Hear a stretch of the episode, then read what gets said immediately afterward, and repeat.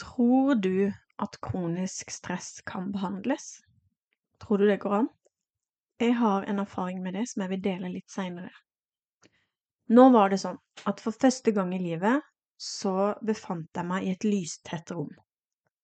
Men heldigvis så var en av rullegardinene litt ødelagt og slapp inn litt lys. Og i den lysstripa så klarte jeg å finne tilbake til balansen i livet.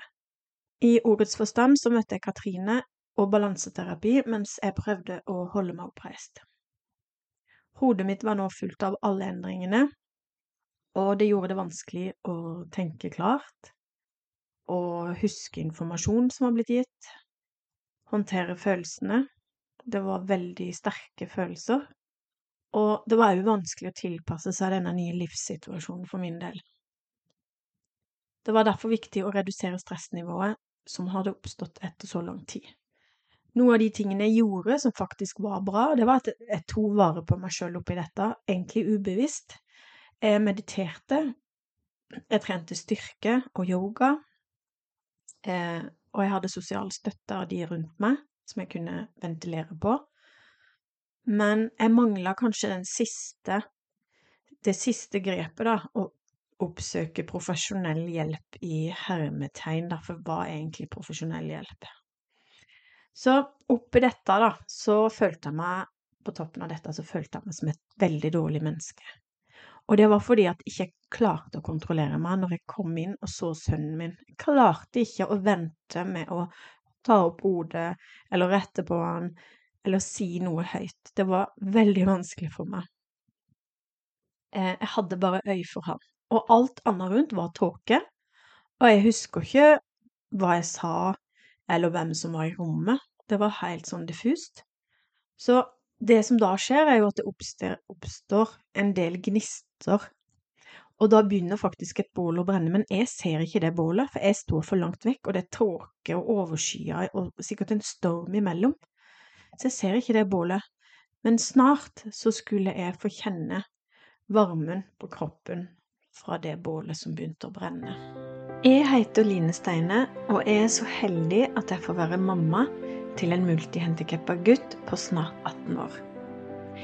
Hvis du har lyst til å høre hvordan dette har berikt mitt liv, og hvordan det har fått meg til å vokse som menneske og sjel, så burde du høre på denne podkasten her.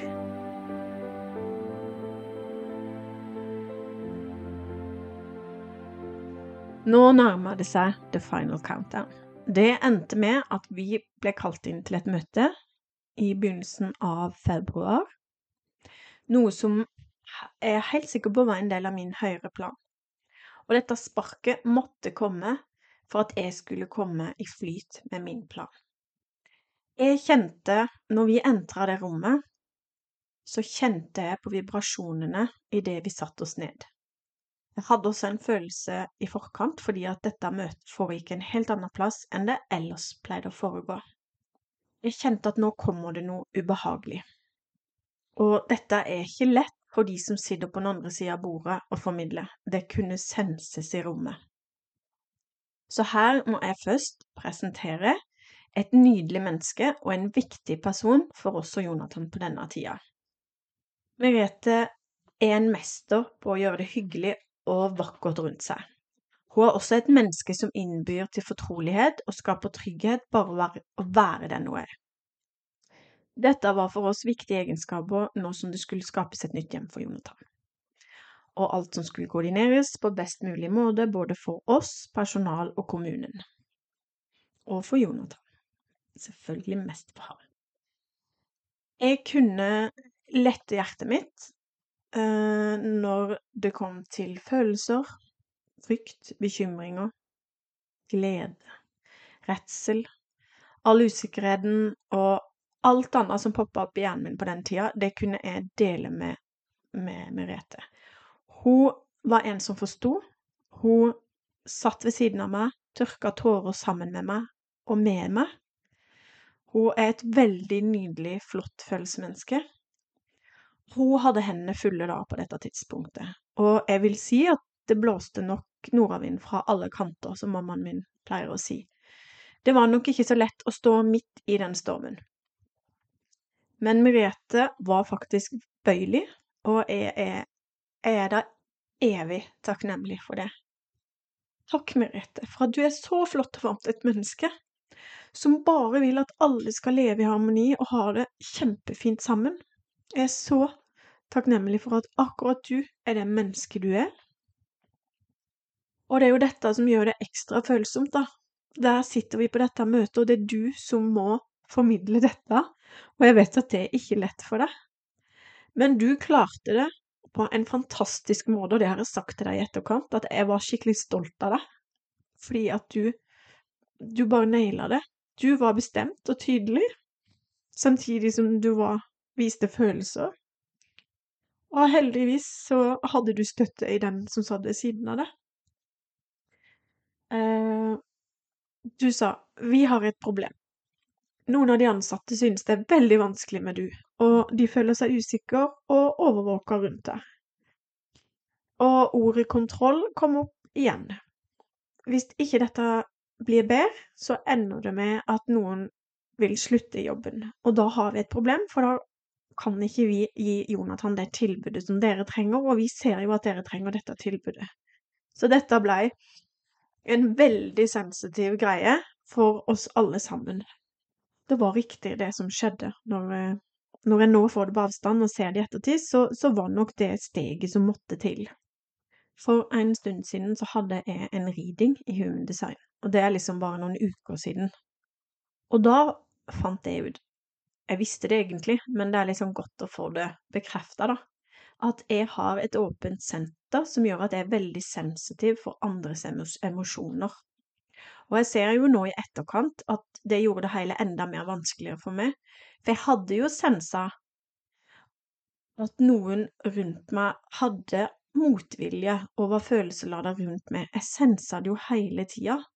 Men jeg kanskje bare forskjøv det vekk og bare tenkte det kan jeg ikke forholde meg til akkurat nå, for jeg må Jeg hadde nok med det jeg sto i, og fortalte at jeg hadde det veldig vanskelig. At jeg hadde fått problemer med å sove. Jeg følte meg deprimert. Følelsen av at hele livs, livsoppgaven min var tatt ifra meg. At jeg hadde mista min drivkraft i livet. Og jeg fortalte at det hadde toppa seg med at jeg, jeg klarte ikke å senke skuldrene, og jeg var hele tida redd og engstelig for Jonathan. På natta kunne jeg ligge og tenke på hvordan han la, la en arm i klem. Kunne de se at han, at han måtte flytte på den armen, eller at han trengte å bytte stilling? Jeg fortalte at jeg kunne våkne på natta og kjenne på et trykk i brystkassa som gjorde at det var vanskelig å trekke pusten. Og jeg kjente igjen dette som panikkanfall, og da måtte jeg ofte finne handa til Thor. Han var jo våken uansett, og så måtte jeg holde i den, for jeg ble ganske redd. Og den driven som hadde holdt meg gående i alle de åra, som hadde gjort at jeg sto opp, seng, sto opp av senga om morgenen, selv om søvnen hadde uteblitt, så fant jeg krefter og mening i den nye dagen som venta, fordi at det var et annet menneske som trengte meg. Jonathan, han var kilden til min livsenergi. Og det føltes nå som at han var kutta. Og smerten jeg nå kjente på kroppen, var veldig vanskelig å holde ut, faktisk. Den var så intens. Og det føltes som den gjennomsyrte alt annet i livet. Og nå i ettertid så tenker jeg at det må være sånn det må føles å bli blenda av en lommelykt. For etterpå, når du da skal se, så ser du verken klart, eller du klarer ikke å fokusere på det som er rett foran deg. Og det var nok der jeg var nå. Jeg klarte ikke å se det jeg hadde rett foran meg, sette pris på det, eller skjønne at livet var så mye mer, det var så mye annet som var fantastisk. For jeg var liksom fanga i det her nettet, da. Og da kikker hun på meg, og så sier hun med tyngde i stemmen, og all, på all, veldig alvorlig, så sier hun Line, du må kanskje søke hjelp. Og der kom det planlagte dyttet, som jeg måtte ha for at jeg skulle komme ut av min kukong. Og det som er så deilig, at når jeg kom ut på den andre sida, så blei jeg tatt imot av Katrine Lindtveit Hundrum, som driver balanseterapi. Og den utgangen, eller den, skal man si, landinga var så myk og deilig. Så jeg sa meg inn i enig at jeg trengte støtte og hjelp fra noen som hadde faglig kompetanse. Og det som jeg tenker da ikke har vært en tilfeldighet, det er det at akkurat der og da så poppa det noe opp i hodet mitt. Tankefeltsterapi og boka til Mats Uldal dukka opp som et mentalt bilde. Og jeg vet hva jeg må gjøre, og sa med en stemme som overbeviste meg sjøl også, at jeg vet hva jeg skal. Men inntil videre, for å verne det personalet som nå gikk med tanker om å faktisk å slutte å jobbe på grunn av meg, så hadde de sammen med personalet kommet fram til at de måtte gjøre det sånn at jeg og Tor meldte vår ankomst når vi skulle besøke gutten vår, slik at personalet skulle få senka skuldrene. Jeg tror nok ikke jeg fikk med meg den siste setningen der før akkurat nå. Det var fordi at personalet skulle få senke skuldrene, og at ikke de skulle gå på tå hev. Der og da klarte jeg jo selvfølgelig ikke å se det hele bildet og koble det sammen, og se Jeg kunne jo ikke se at jeg kom til å vokse på det der og da, for da var det forferdelig. Så jeg var jo allerede hardt ramma i hodet, og nå mista jeg enda mer kontrollen over Jonathan og mitt eget liv. Da ble jo jeg enda mer bekymra, og tankene fløy jo gjennom hodet mitt. Nå begynte jo jeg å tenke Betyr det at de trenger mer tid for å gjøre alt perfekt til vi kommer? Eller at jeg skulle at de, jeg ikke skulle rette på ting. Eh, sånn at de kunne gjøre det i forkant, sånn at alt var fint idet jeg entra rommet. Eller betydde det at de måtte ha tid til å forberede seg på møtet med mentalt? Eller stelle gutten min så skulle se presentabel ut? Eller rekke å ordne og rydde rundt seg før vi kom? Tankene mine fløy på kryss og tvers, og jeg forsøkte å finne mønster og, og, og forklaring i dette. Og jeg forsvant jo enda lenger ut fra den jeg virkelig var. Og nå ble jeg grepet av panikk, og ikke bare frykt. Skulle de ta fra meg kontrollen over mitt eget barn? Skulle ikke jeg bare få stikke innom og gi han en klem? Måtte det planlegges først? Det var som jeg satt på utsida og kikka inn i en sånn titteboks på de som var i møte. Tor og de andre som satt der, og tårene mine bare rant lydløst nedover kinnet i strie strømmer, samtidig som jeg bare nikka og samtykka, fordi jeg følte at jeg var knebla. Det føltes som noen hadde kuttet strømmen til min livsenergi, og det føltes som om noen knuste hjertet mitt fysisk i biter, så alt glass ble spredt rundt i kroppen. Hensynet Det jeg følte, da, Eh, der og da, det var at hensynet til ansatte gikk langt over hensynet til en familie. Og hensynet overfor noen i en jobbsituasjon overgikk hensynet til en mor og far i sin livs største krisesituasjon, da, men som kanskje ikke ble sett på som vår livs krisesituasjon. Det var mine følelser og tanker rundt den situasjonen, akkurat der og da. Og den umiddelbare tanken min, som slo meg, det var det at jeg skulle dra til leiligheten, ta gutten min hjem, og bare være hjemme i vårt lunerede, sånn som vi hadde vært alle de åra. Og jeg ville bare reise der og da og hente han og holde rundt han og aldri slippe igjen. Jeg ville, om jeg så hadde gått derfra og båret han, så hadde jeg båret han hjem. Til vårt hus. Til vår familie. Til søsken. Til pusene våre. Til senga hans. Til rommet. Alt føltes som det bare kollapsa som et legohus rundt meg. Eh, jeg følte at gutten min rant mellom fingrene mine.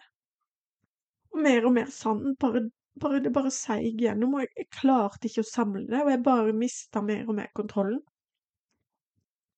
Men samtidig så kom de jo så kom de rasjonelle tankene fram, og jeg visste at jeg ville jo bare klare dette et par dager. For nå var det jo bare fragmenter igjen av det som hadde holdt kroppen min oppreist alle de her åra. Så det kom altså enda en stor og sår forandring i livet mitt. Nå måtte jeg melde fra at jeg ville besøke sønnen min. Hele greia føltes jo som en vond drøm, og jeg ville bare våkne opp og kjenne på den lettelsen at du kjenner bare åh, det var bare en drøm. Så vi begynte å melde vår ankomst på melding og telefon. Og så var det en dag hvor jeg skulle til fastlegen min, og da tenkte jeg at jeg ringer nå, sånn at jeg kan gå og besøke Jonathan etterpå, så får de litt tid før, vi, før jeg kommer. Så da ringte jeg og sa at jeg kommer om ca. en time. Men det jeg ikke visste, var jo at det legebesøket skulle ta litt uh, lengre tid. Min skjønne fastlege tok seg skikkelig av meg, hadde god tid til å snakke med meg, og Benedicte brukte faktisk lunsjpausen sin, sånn at jeg fikk ekstra god tid. Og vi snakka om veldig mye forskjellig. Og hun skjønte min frustrasjon, men hun skjønner jo òg som profesjonell eh, fagperson, så skjønner hun jo selvfølgelig òg personalet sin situasjon. Så vi snakka veldig mye fram og tilbake om dette, og jeg letta hjertet mitt, og enda en gang satt jeg og grein. Når jeg, når jeg snakker inn dette, så tenker jeg herlig mye jeg har grenet. det, det er mye. Men sånn er det bare. Og det var da hun fortalte meg noe som begynte å forme en forståelse inni hodet mitt der og da. Dette var kanskje første steg til veien av forståelse, da. Hun fortalte meg at før hun ble lege, så hadde hun jobba på en avlastningsbolig for barn med spesielle behov. Hun fortalte hvordan det følte, føles å jobbe med et barn der, eh, og da kom hun med et veldig bra eksempel. Se for deg da at du har jobba og gjort alt du kan eh, en helg for et barn. Du har tatt godt vare på det, du har gjort alt det beste, du har hatt mange fine stunder eh, sammen med det barnet og øyeblikk. Så kommer mor og far for å hente barnet, og idet du ser de kommer inn døra, så kjenner du at du får en liten klump i maven, for du vet at det er alltid noe som de vil rette på. Det er alltid noe som ikke er godt nok. Det første mor da gjør når de kommer inn, det er kanskje å begynne å rette på barnet, eller ubetenkt kritisere eller komme med en kommentar. Fordi akkurat der og da så er det et eller annet.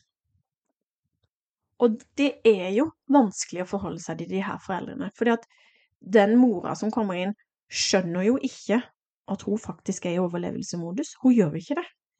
Hun er en løvemamma. Hun er en hønemor. Hun er i fight-flight. Hun skal bare gjøre det beste for barnet sitt, og hun føler jo på hele kroppen sin at ingen andre kjenner barnet bedre enn det hun gjør. Da, der og da, skjønte jeg at jeg er den mammaen. Det er jo meg!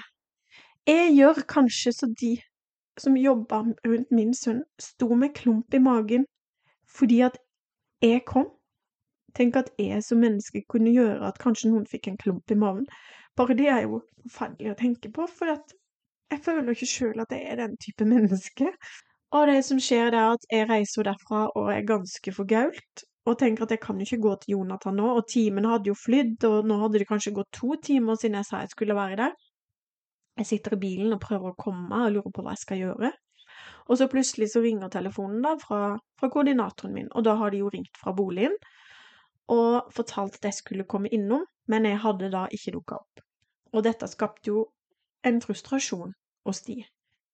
Og da kjente jeg nå klarer jeg ikke mer, for jeg kan ikke avtale når jeg skal gå og besøke sønnen min, og så kommer livet i veien, og så plutselig så får jeg tilbakemelding på at ja, men du sa du skulle komme, og så Man kan jo ikke vite hva som dukker opp på livets vei akkurat der og da. Og da kjente jeg bare nei, jeg klarer ikke å ringe de engang, for jeg var så lei meg og skuffa, og jeg følte ja, alt bare raste igjen. Og da ringte jeg Tor og sa at han måtte ringe og si at jeg ikke kom allikevel. Jeg orka ikke prate med de engang. Det fortsatte jo da å dukke opp litt vanskelige situasjoner rundt det her, og jeg kunne ikke lenger bare kjøre bort med varer, for eksempel når jeg hvis, Fra apoteket så kommer det kassevis med varer til Jonathan. Det er bleier, det er kladder, det er masse hjelpemidler, det er medisiner Det er ting som han trenger i hverdagen sin. Og det kommer i svære partier. Og da er det veldig greit å bare putte alt i bilen rett fra, eh, fra posten. på butikken og bare kjøre rett hen, for det er rett i nærheten. Men det jeg måtte da, var jo at jeg kunne jo ikke gjøre det, for da måtte jo jeg ringe eller melde på forhånd. Og da tok det jo tid, kanskje ikke de så på telefonen, kanskje ikke de svarte, kanskje de var opptatt med noe, og så kanskje det tok lang tid før de så meldinga. Og i den mellomtida hadde jo jeg rukket å kjørt og kommet hjem. Jeg kunne ikke stå på butikken og vente, det ble bare litt slitsomt. En gang så husker jeg bare nei, jeg må bare få levert dette, så jeg bare kjørte hen og kom inn med det her. Og da husker jeg at jeg følte at jeg ble fysisk stoppa i gangen. Hit, men ikke lenger. Det var akkurat som det var en usynlig grense. Den ansatte sto liksom i åpninga i gangen, sånn at jeg nesten ikke kom Altså, jeg følte at hun fysisk stengte veien, fordi at jeg hadde jo ikke gitt beskjed om at jeg skulle komme. Og da, da ser jeg ungen min sitte i stua. Og jeg som er så av og til kanskje litt for pliktoppfyllende og ikke gjør de tinga som jeg egentlig kanskje skulle gjort. Reiser igjen uten å begynne å si hei til gutten min, og han ser meg. Fordi jeg følte at jeg kunne ikke Jeg kunne ikke gjøre det mot det mennesket som sto foran meg, da. Eh, men i ettertid så tenker jeg herlig fred. Jeg skulle jo bare gått inn, gitt gutten min en klem og gått ut igjen. Eller egentlig så skulle jeg Jeg vet ikke hva jeg skulle, men uh, det var sånn det føltes. Og Tor hadde jo òg noen greier hvor han ble stående på parkeringsplassen rett på utsida å sitte i bilen og vente på svar på om han kunne komme inn til Jonathan. Så dette var jo ikke så veldig greit, og jeg husker da, etter den siste hendelsen hvor jeg følte at uh, jeg ble fysisk stoppa i gangen og ikke kunne komme inn til gutten min, så kjente jeg at dette er ikke greit. Og jeg begynte å stille meg spørsmål om er dette lov? Kan man gjøre dette mot foreldre? Ehm, en kveld så var jeg og Eller en helg så var jeg to så heldige at vi fikk besøk av hans barndomsvenn Joakim. Det var Joakim som jeg fortalte om i en av første episodene at mente at jeg levde i en rosa boble. Jeg tror Joakim nå vet at den rosa bobla er sprekt for lenge siden. Og vi ble sittende og snakke rundt eh, kjøkkenbordet på kvelden med stearinlys og god mat og et glass vin og Vi snakker om forskjellige ting, og Joakim har òg et barn med spesielle behov, så der er vi egentlig på samme frekvens, og vi tømte hjertene våre litt og snakka om litt frustrasjoner og sånne ting, og jeg fortalte om, da om dette. Dagen etter så sitter han og koser seg og leser en bok og koser seg foran ovnen vår i en deilig sofa med masse puter, og da skriver han et notat. Og det notatet sender han til meg. Det føler jeg at jeg vil lese for dere, for jeg syns det var så fint skrevet. Line. Det er forskjell på dårlig samvittighet for å bry seg og det å ha den beste kunnskapen om emnet, og ønske det beste for Jonathan. Det, det forventes det forståelse for. En må jobbe for å finne grensene alle tåler, og tåle innspill og tørre å ta imot, og forstå at alle jobber mot en felles enhet, og at Jonathan skal ha det så godt som mulig fysisk, mentalt og ikke minst sosialt. Jonathan trenger gode inntrykk, kjærlig behandling, trygge og varme hender. Husk også at Jonathan er et barn. Det handler ikke om enkeltindivider på en arbeidsplass og deres personlige ønsker for en grei arbeidsdag, dog alle ønsker at det er tilrettelagt for gode arbeidsvilkår og glede i arbeidshverdagen. De viktigste oppgavene noen arbeidstaker kan ha, nemlig det å gjøre livet godt levelig på alle de beste måter en kan for et annet menneske, i dette tilfellet Jonathan, som er fanget i sin egen kropp. Jonathan er selvfølgelig en del av en større enhet, nemlig hans nærmeste familie. En familie som alene har levd et liv som for alle barnefamilier i større eller mindre grad er krevende, men fint. For Jonathan sin familie handler det også om å overleve. I hverdagslivet, men faktisk også i visse deler av livet, har det konkret handlet om liv og død. Gjøre det beste ut av hver eneste dag, gi av seg selv uavhengig av dagsform og energi. Foreldrene til Jonathan har vært inntil han siden fra fødselen, og aldri sluppet han med blikket etter han kom til verden. Et slikt maskineri, en slik familie, lærer hverandre å kjenne så godt. At man kjenner enhver svingning, det være seg fysisk og mentalt. Jonathans foreldre har kunnskap på et meget høyt nivå, et nivå vi i resten av samfunnet bare kan håpe og krysse fingrene for at omsorgstjenesten ønsker å strekke seg etter. De klokeste tør å ta til seg ny lærdom, tåle å lytte, vise respekt. De klokeste vet at det handler ikke om jeg i en stor oppgave som dette, å gi et barn et verdig liv. Ikke bare et liv med tak over hodet, mat i magen og god temperatur på rommet, men så mye, mye mer. En skal gi av seg selv, en skal dele av sine ressurser, en skal gå på bekostning av egne interesser når en er på jobb. En skal ønske å lese høyt for Jonathan i en bok man finner interessant, ikke sitte på mobiltelefon eller iPad. Man får, tross alt, man får tross alt lønn for å gi et annet menneske et liv med verdighet, som innebærer å legge til rette for et godt innhold. Ja, det er en arbeidsplass, og for hjelpernes del er det viktig med trygge rammer, men samtidig må man tåle å kjenne sin plass. Her kommer opplæring, tidligere erfaring fra eget liv og virke, felles forståelse for veien videre, og selvfølgelig det å være åpen for innspill fra dem som ønsker Jonathan det beste, og som kan lese han som en åpen bok, som vet hva han trenger, nemlig Line og Thor. De som alene i stor grad har gjennomført dette, som det nå er elleve–tolv mennesker i turnusarbeid, det er et bredt felt som skal dra i samme retning for Jonathan og hans familie, stat og kommune, med helsesektor og skole som nærmeste aktør.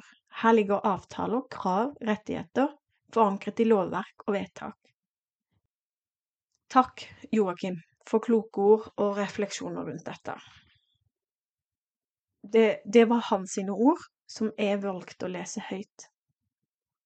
Fordi at det traff meg, og jeg følte at mye av det snakka til meg. Og det òg Joakim sa, som jeg kjenner på i dag. Han sa det at når de som jobber med Jonathan, skifter en bleie på Jonathan, så hvis man skal tenke helhetlig, da, så hjelper ikke de bare Jonathan når de steller og pleier Jonathan, de hjelper faktisk en hel familie. Det er ikke bare han alene. De hjelper meg som mamma, de hjelper Thor som pappa, de hjelper Kasper som lillebror, og Noah som lillebror. Det var da, når jeg trengte det mest, at løsningen kom til meg. Den hadde lagt og godgjort seg og marinert seg i over tolv år, og sporet hadde vært der hele tida, sånn som spora i sanden, men så kommer tidevann og vasker de vekk, sånn at du ikke ser at de var der. Men jeg har gått der, nærme vannkanten, og begynt å se antydning til at det er noen spor der. Og det begynte når jeg og min venninne Marin hadde skrivedager sammen, for vi fant ut at det var enklere å skrive litt hver gang, og da møtte vi fysisk opp og satte av tid til det, og da jobba vi ofte på Grendehuset på Hovden. Og det nye prosjektet jeg da var begynt på, det var at jeg hadde ideer og tanker rundt en spirituell barnebok. Og når vi satt og jobba, så dukka TFT opp, og jeg googla litt og leste om Mats Uldal og boka Fornuft og følelser. Og da Eh, så tenkte jeg den boka der har jeg sett før. Den har jeg hatt i hendene. Jeg har faktisk lest den boka. Og den handler om hvordan man kan bruke tankefeltterapi til å behandle ulike fysiske og psykiske plager ved å stimulere bestemte punkter på kroppens energibaner. Hm. Hvorfor var denne boka så kjent, og hvorfor dukka den opp nå? Så når jeg da jobba på biblioteket for 14 år siden, så hadde faktisk jeg bestilt inn den boka. Så jeg bare løp ned trappa og gikk på biblioteket, og de hadde den, og jeg lånte den og løp opp igjen til Marin. Og nå satt jeg med den fysisk i hånda. Biblioteket er et fantastisk tilbud, så det er sagt. Jeg begynte å skumme gjennom boka for andre gang i livet, og hvorfor dukka den opp nå? Jeg snakka om dette med min venninne Trude, og hun fortalte meg da noe jeg hadde glemt. For elleve år siden så var vi en gjeng som arrangerte Den gode helga for kropp og sjel på Hovden. Da inviterte vi ulike behandlere og selgere, og da hadde vi besøk av en dame nedover dalen som holdt på med tankefeltterapi. Da gikk det jo opp for meg at det var en person i nærheten av der vi bodde, altså en terapeut, som hadde vært der i elleve år uten at jeg hadde fått det med meg. Og jeg fant henne da på nettet og kontakta henne. Og akkurat da så skulle jeg ned i bursdag til Victoria, eh, som eh, skulle ha jentefest. Og da hadde hun faktisk time til meg to dager seinere. Og det kunne jo ikke klaffe bedre. Jeg reiste ned til Victoria og skulle på behandling fredagen. Og det som er så rart, da Noe inni meg bare visste at nå skulle livet forandre seg. Denne dama var redningen min. Hun skulle hjelpe meg. Bare visste, jeg bare visste det. Hun hadde vært der hele tida, men jeg hadde ikke vært klar. Og jeg hadde ikke sett sporene før nå. Nå begynte de å bli tydeligere. Jeg husker jeg fant bygningen der hun holder til. Det var et gammelt, nydelig trehus i Grimstad, rett ved siden av det gamle biblioteket som jeg hadde vært på opplæring på når jeg jobba på biblioteket.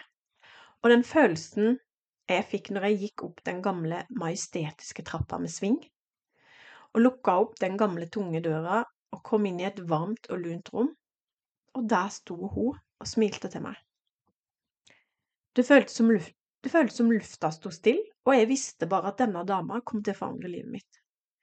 Endelig skulle jeg få hjelp til å komme ut av min kukong. Hun geleida meg inn på et annet rom.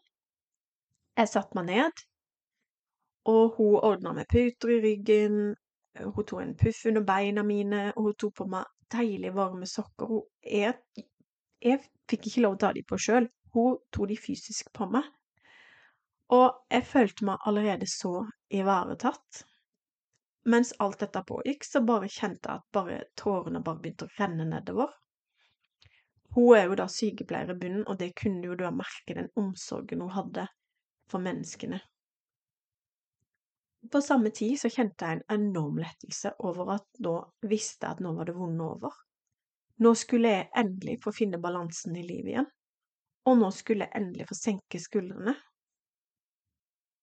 Og gitt om jeg fikk.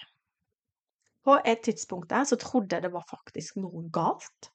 For jeg har aldri kjent at skuldrene har vært så langt nede. Hun, hun holdt på de, og, og så da gikk det opp for meg det der eh, ordtaket at du må senke skuldrene. Det er ikke tøys, det ligger mye i det ordtaket der. Fordi at du må faktisk senke skuldrene.